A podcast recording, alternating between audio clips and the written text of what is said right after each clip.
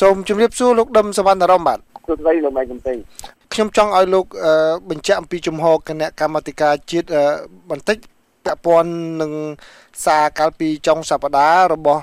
ខាងក្រសួងការបរទេសសហរដ្ឋអាមេរិកដែលបញ្ជាក់ពីជំហរសហរដ្ឋអាមេរិកចង់ឲ្យគណៈបកសង្គ្រោះជាតិបានចូលរួមនៅក្នុងការបោះឆ្នោតដូច្នេះបើបើយើងពិនិត្យមើលកាលបរិច្ឆេទនៃការចុះបញ្ជីគឺផុតទៅហើយតើអាចនឹងមានការចរចានយោបាយ ទៅគណៈកម្មាធិការជាតិរៀបចំការបោះឆ្នោតទទួលយកតាមសំណើគណៈការចរចានយោបាយឲ្យឲ្យមានឲ្យមានការចុះឈ្មោះទៀតទេបាទចំនួនរបស់កំផ្លេងគឺនាំឲ្យកោចបមិនគ្រប់ច្បាប់នាំឲ្យកោចនាំឲ្យកោចបធ្វើអ្វីខាច់តែចិត្តកោចបមិនអាចធ្វើអ្វីដែលច្បាប់មិនអនុញ្ញាតទេច្បាប់អនុញ្ញាតយ៉ាងដូចម្ដេចលក្ខខណ្ឌមួយក្នុងចំណោមលក្ខខណ្ឌទាំង10នៃការចុះឈ្មោះគណៈបកនយោបាយគឺលក្ខខណ្ឌមួយ គណៈបកនយោបាយនោះត្រូវទទួលស្គាល់ដោយក្រសួងមហាផ្ទៃស្របតាមណាច្បាប់ស្ដីពីគណៈបកនយោបាយអញ្ចឹងបើគ្មានលក្ខខណ្ឌហ្នឹងទេកោជបមិនអាចទៅជួលចុះបញ្ជីគណៈបកនយោបាយនឹងបានទេគោលការណ៍នេះយើងធ្វើស្មើភាពគ្នាស្របទៅតាមអ្វីដែលបានចែងក្នុងមាត្រា76ថ្មីនៃរដ្ឋធម្មនុញ្ញគ្មានគណៈបកតូចគ្មានគណៈបកធំគណៈបកចូលរួមដោយស្មើភាពគ្នាក្នុងការបោះឆ្នោតជ្រើសតាំងតំណាងរាស្ត្រនេះជាការទី6 ដូច្នេះកោជបគ្មានជំរឹះអ្វីក្រៅតែពីជាស្ថាប័នបច្ចេកទេសនិងអនុវត្តច្បាប់ស្តាតច្បាប់វាចែងថាម៉េចច្បាប់វាចែងថាអញ្ចឹងបើមិនជាមានការចេញសេចក្តីថ្លែងការណ៍ថាចោតប្រកាន់មកកោជបថាមិនព្រមចុះបញ្ជីគណៈបកនយោបាយណាគណៈបកនយោបាយនោះការចោតប្រកាន់នេះខុសទាំងស្រុងដោយមិនបានមើលច្បាប់ហើយនាំគ្នាឬក៏បុគ្គលមួយចំនួនទាញឲ្យកោជបឈានទៅស្ថាប័នមួយដែលមិនគោរពច្បាប់ព្រោះច្បាប់គេបានចែងយ៉ាងច្បាស់ហើយថា គណៈបកនយោបាយដែលអាចចុះបញ្ជីចូលរួមប្រគល់ប្រជែងការបោះឆ្នោតជាតិបានលុះត្រាតែគណៈបកហ្នឹងមានការទទួលស្គាល់ជាផ្លូវការដោយក្រសួងមហាផ្ទៃស្របតាមច្បាប់ស្ដីពីគណៈបកនយោបាយដូច្នេះអ្វីដែលក្រសួងមហាផ្ទៃបានផ្សព្វផ្សាយកន្លងមកនេះមានគណៈបកនយោបាយចំនួន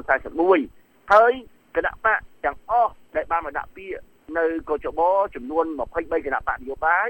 ចេញគិតថាប្រហាក់ប្រហែលជា16ទៅ20គណៈបកនយោបាយនឹងទទួលស្គាល់ជាផ្លូវការសម្រាប់ការបោះឆ្នោតនីតិកាលទី6គណៈបកទាំងអស់ដែលកោចបទទួលស្គាល់គឺគណៈបកទាំងនោះបានឆ្លើយតបទៅនឹងលក្ខខណ្ឌទាំង10ក្នុងនោះលក្ខខណ្ឌមួយខ្ញុំសូមនិយាយឡើងវិញថាតួតែគណៈបកនយោបាយនោះចុះបញ្ជីយ៉ាងត្រឹមត្រូវដោយក្រសួងមហាផ្ទៃទទួលស្គាល់ជាផ្លូវការស្របតាមច្បាប់ស្តីពីគណៈបកនយោបាយ បាទប៉ុន្តែនៅក្នុងប្រទេសកម្ពុជាយើងការចរចានយោបាយតែងតែមានអតិភិបនៅក្នុងពេលកន្លងមកដូច្នេះសម្រាប់កោជបមកដល់ម៉ោងនេះគឺទោះបីជាមានការចរចានយោបាយយ៉ាងម៉េចក៏មិនអាចនឹងវិលប្រក្តីទៅនឹងថយក្រោយវិញបានដែរបាទខ្ញុំមានការសោកស្ដាយនឹងឆ្លើយទៅនឹងសំណួរលោកបែងកំសែងតែសំណួរនេះខ្ញុំមិនអាចឆ្លើយបានទេដោយសារកូនចបមិនមែនជាស្ថាប័ននយោបាយទេកូនចបជាស្ថាប័នច្បាប់និងជាស្ថាប័នស្ថាប័នបច្ចេកទេស ខ្ញុំមានការសោកស្ដាយណាស់ដែលខ្ញុំមិនអាចឆ្លើយនឹងសំណួររបស់លោកបែងកំសែងបានបាទចំណុចមួយទៀតគឺពាក់ព័ន្ធនឹងការបកស្រាយផ្សេងផ្សេងគ្នាហើយខ្ញុំឃើញខាងគណៈកម្មាធិការជាតិរៀបចំការបោះឆ្នោតខិតខំប្រឹងប្រែងដែរគឺពាក់ព័ន្ធនឹងចំនួនប្រជាពលរដ្ឋទៅចេញទៅបោះឆ្នោតបាទមានការអំពាវនាវរបស់គណៈបកសង្គ្រោះជាតិមិនឲ្យប្រជាពលរដ្ឋទៅបោះឆ្នោតតើមកដល់ពេលនេះ អាចប្រជាពលរដ្ឋអាចនឹងមានទោសទេប្រសិនបើគាត់មិនទៅបោះឆ្នោតបាទអ្នកដែលអំពាវនាវមានអ្នកអំពាវនាវឲ្យប្រជាពលរដ្ឋមិនទៅបោះឆ្នោត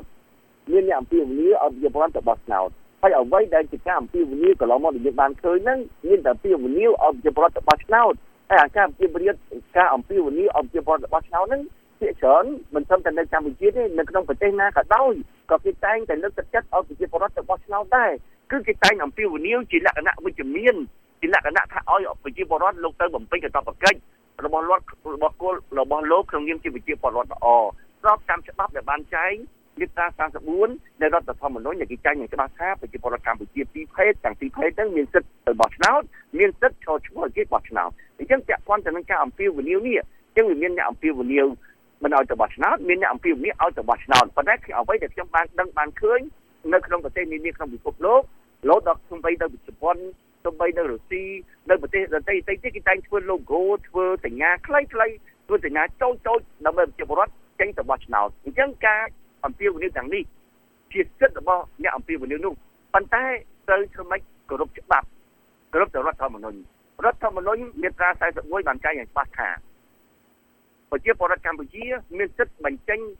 សេរីភាពរបស់ខ្លួនមានសិទ្ធិនិយាយអ្វីរបស់ខ្លួនណាសេរីភាពក្នុងការបញ្ចេញមតិប៉ុន្តែការបញ្ចេញមតិនោះ គឺធ្វើយ៉ាងណាកុំឲ្យប៉ះពាល់នៅនឹងទំនៀមទម្លាប់ល្អកុំឲ្យប៉ះពាល់ទៅនឹងអ្វីដែលជាសន្តិសុខស្ថិរភាពនយោបាយរបស់សង្គមអាទៅនឹង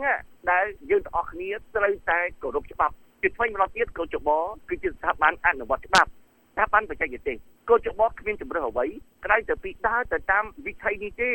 លើកពីនេះទៀតកោចបគ្មាននរណាមកអាចរៀបរៀងហើយកោចបធ្វើកិច្ចការរបស់ខ្លួនក៏មិនស្ដាប់អ្នកដទៃដែរ កោចបគ្រាន់តែបំពេញកិច្ចការរបស់ខ្លួនអនុលោមទៅតាមធម្មនុញ្ញភាពដែលបានចែងក្នុងមាត្រា150ថ្មី2នៃរដ្ឋធម្មនុញ្ញដែលធានាគេហៅថា legitimacy ភាពស្របច្បាប់របស់កោចបក្នុងការរៀបចំការបោះឆ្នោតណាឲ្យបានប្រព្រឹត្តទៅដោយសេរីត្រឹមត្រូវនិងយុត្តិធម៌បាទអញ្ចឹងសរុបមកវិញគឺលោកមិនបានឃើញមានចំណុចណាមួយនៅក្នុងច្បាប់ ដែលដាក់ទូទាត់អ្នកដែលមិនទៅបោះឆ្នោតទេគឺបានន័យថាមានតែការលើកទឹកចិត្តឲ្យទៅបោះឆ្នោតបាទចំណុចដែលមែនលោកឯងកំសេងនិយាយគឺត្រឹមត្រូវហើយគ្មានច្បាប់ណាដែលគេចែងណាគ្មានច្បាប់ណាដែលគេចែងថាប្រជាពលរដ្ឋមិនទៅបោះឆ្នោតមានទោសទណ្ឌនោះទេហើយក៏គ្មានច្បាប់ណាចែងអំពីអត្រាភាគរយនៃប្រជាពលរដ្ឋដែលមានចំនួនតិចការបោះឆ្នោតនឹងនឹងមិនអាចទទួលយកបាននោះទេដូច្នេះខ្ញុំចង់និយាយបញ្ជាក់សាជាស្អីមកទៀតថា ការដែលអឺប្រជាពលរដ្ឋលោកមានសិទ្ធិក្នុងការមានសិទ្ធិក្នុងការបំពេញកិច្ចការរបស់ខ្លួនជាថ្មីម្ដងទៀតខ្ញុំបានជម្រាបជូនហើយមាត្រា34នៃរដ្ឋធម្មនុញ្ញបានចែងយ៉ាងច្បាស់អំពីសិទ្ធិរបស់ប្រជាពលរដ្ឋអញ្ចឹងប្រជាពលរដ្ឋកម្ពុជាតែងតែទៅបោះឆ្នោតហើយយើងឃើញថាការបោះឆ្នោតជាសកលកន្លងមកនេះ8លើកមកហើយទាំងការបោះឆ្នោតឃុំសង្កាត់4លើកការបោះឆ្នោតជាតិ4លើកដោយបរិបទការបោះឆ្នោតរៀបចំដោយដោយអន្តៈគឺការបោះឆ្នោតរៀបចំដោយគណៈកម្មការជាតិរៀបចំការបោះឆ្នោតគឺប្រជាពលរដ្ឋ មិនក្រោម70%ទេណាតែតែងតែចេញទៅបោះឆ្នោតនេះគឺជាទំនៀមទម្លាប់របស់ប្រជាពលរដ្ឋកម្ពុជារហូតទៅដល់មានការភ្ញាក់ផ្អើលរបស់អ្នកជំនាញជប៉ុនដែលធ្វើការជាមួយកោជបគេឆ្លល់ថាហេតុអីបានជាប្រជាពលរដ្ឋកម្ពុជាពេលទៅបោះឆ្នោតម្ដងម្ដងហាក់ដូចទៅធ្វើបន់កឋិនអញ្ចឹងមានទឹកមុខសบายរីករាយដែលផ្ទុយអ្វីដែលប្រជាពលរដ្ឋជប៉ុនគាត់ធ្វើអានេះហើយគឺជាទំនៀមទម្លាប់អញ្ចឹងការធ្វើសារយ៉ាងណាមួយនោះ តែប៉ះពាល់ទៅដល់ជំនាញទម្លាប់គឺគេបានចែងហើយនៅក្នុងរដ្ឋធម្មនុញ្ញមាត្រា41ដែលជាច្បាប់កម្ពុជាដូច្នេះកោចបសូមអំពាវនាវឲ្យទាំងអស់គ្នាចាត់ទុកថាឬមើលគោលការណ៍របស់កោចបតម្លាភាពសុចរិតភាពការងាររបស់កោកឯករាជ្យភាពរបស់ស្ថាប័ននេះហើយអនុវត្តច្បាប់បច្ចេកទេសគឺដំណើរការទៅមុខដើម្បីឈានទៅរៀបចំការបោះឆ្នោតនៅខែទី29ខែកក្កដាឆ្នាំ2018ប្រកបដោយ ត្រឹមត្រូវសេរីនិងយុត្តិធម៌គេហៅថាប្រជាធិបតេយ្យរូបៈបាទដោយលោកបានលើកឡើងអញ្ចឹងគឺប្រជាពលរដ្ឋខ្មែរលោកតែងតែទៅបោះឆ្នោតហ្នឹងមានដាំបាយដាំទឹកងើបពីព្រលឹមអីជាដើមហ្នឹងបាទក្នុងរយៈពេល25ឆ្នាំកន្លងមកនេះប៉ុន្តែឆ្នាំនេះគឺជាឆ្នាំពិសេសមួយដែលមានគណៈបកនយោបាយដ៏ធំដែលលោកបានអំពាវនាវមិនឲ្យប្រជាពលរដ្ឋដែលគ្រប់គ្រងដែលស្រឡាញ់គាត់ហ្នឹងទៅបោះឆ្នោតខ្ញុំចង់លើកចង់ បន្តទៅមុខទៀតអញ្ចឹងតើលោកបានលើកឡើងពីខាងដើមពាក់ព័ន្ធនឹងអ្នកដែលអំពាវនាវមិនឲ្យប្រជាពលរដ្ឋទៅបោះឆ្នោតនឹងគឺអ្នកមានទោសទណ្ឌតើគណៈកម្មាធិការជាតិរៀបចំការបោះឆ្នោតបានចាត់ជាវិធានការយ៉ាងម៉េចហើយឬនៅបាទចំពោះអ្នកដែលធ្វើអំពីការអំពាវនាវដូចនេះបាទវិធានការចម្បងកោជបបានស្នើសុំទៅក្រសួងមហាផ្ទៃឲ្យចាត់វិធានការចំពោះបុគ្គលទាំងឡាយណាដែលធ្វើកិរិយាអំពាវនាវឬដែល បំណងមានសកម្មភាពធ្វើកិច្ចកម្មភាពផ្សេងៗដូចជាបាច់ប្រាក់បាច់អីផ្សេងៗដែលប៉ះពាល់ទៅដល់គេហៅថាអឺរំលោភទៅលើរដ្ឋធម្មនុញ្ញមាត្រា41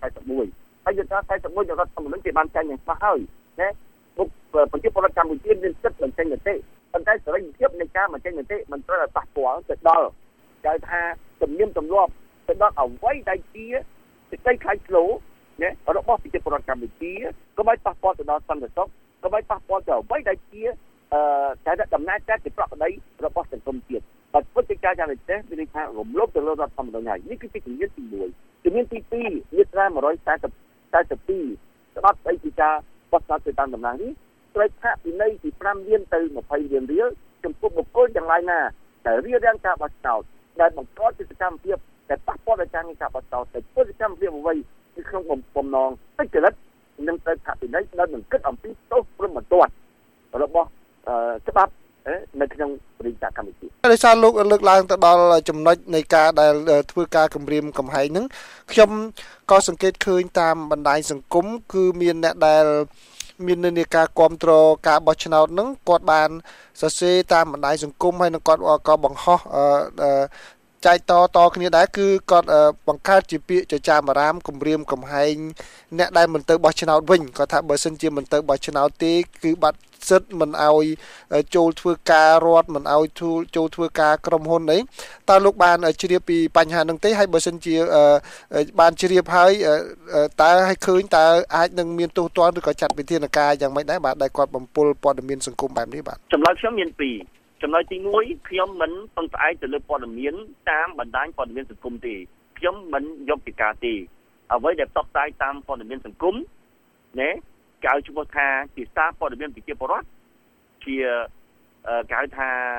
អឺ citizen journalism ខ្ញុំមិនឲ្យតម្លៃទៅលើអ្វីដែលផ្សព្វផ្សាយតាមប្រព័ន្ធព័ត៌មានសង្គមទេពីព្រោះ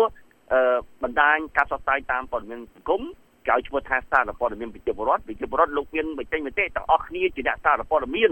តែណាចង់សរសេរអីក៏សរសេរទៅចង់បង្ហោះអីក៏បង្ហោះទៅប៉ុន្តែទោះយ៉ាងណាក៏ដោយយើងត្រូវនាំគ្នាគ្រប់ច្បាប់ណាចំណុចទី2ទៀតខ្ញុំសូមឆ្លើយថាបងប្អូនជារដ្ឋលោកមានសិទ្ធិក្នុងការបញ្ចេញមតិសេរីភាពត្រូវបានចែងក្នុងរដ្ឋធម្មនុញ្ញណាដែលជាច្បាប់កំពូលប៉ុន្តែសេរីភាពទាំងឡាយណាត្រូវតែ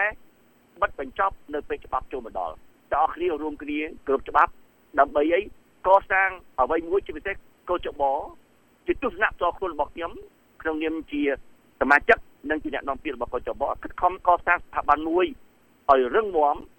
ឲ្យមានសមត្ថភាពក្នុងការរៀបចំការបោះឆ្នោតហើយសមត្ថភាពនេះមិនមែនទើបតែមានទេកោចបមានសមត្ថភាពរួចមកហើយតាំងតែពីឆ្នាំ1998ហើយការបោះឆ្នោតនៅឆ្នាំ1998ប្រធានគណៈប្រតិភូរបស់ របស់សហរដ្ឋអាមេរិកបានថ្លែងថាណាប្រធានគណៈប្រតិភូអ្នកសង្កេតការរបស់សហរដ្ឋអាមេរិកបានថ្លែងថាការបោះឆ្នោតនៅកម្ពុជា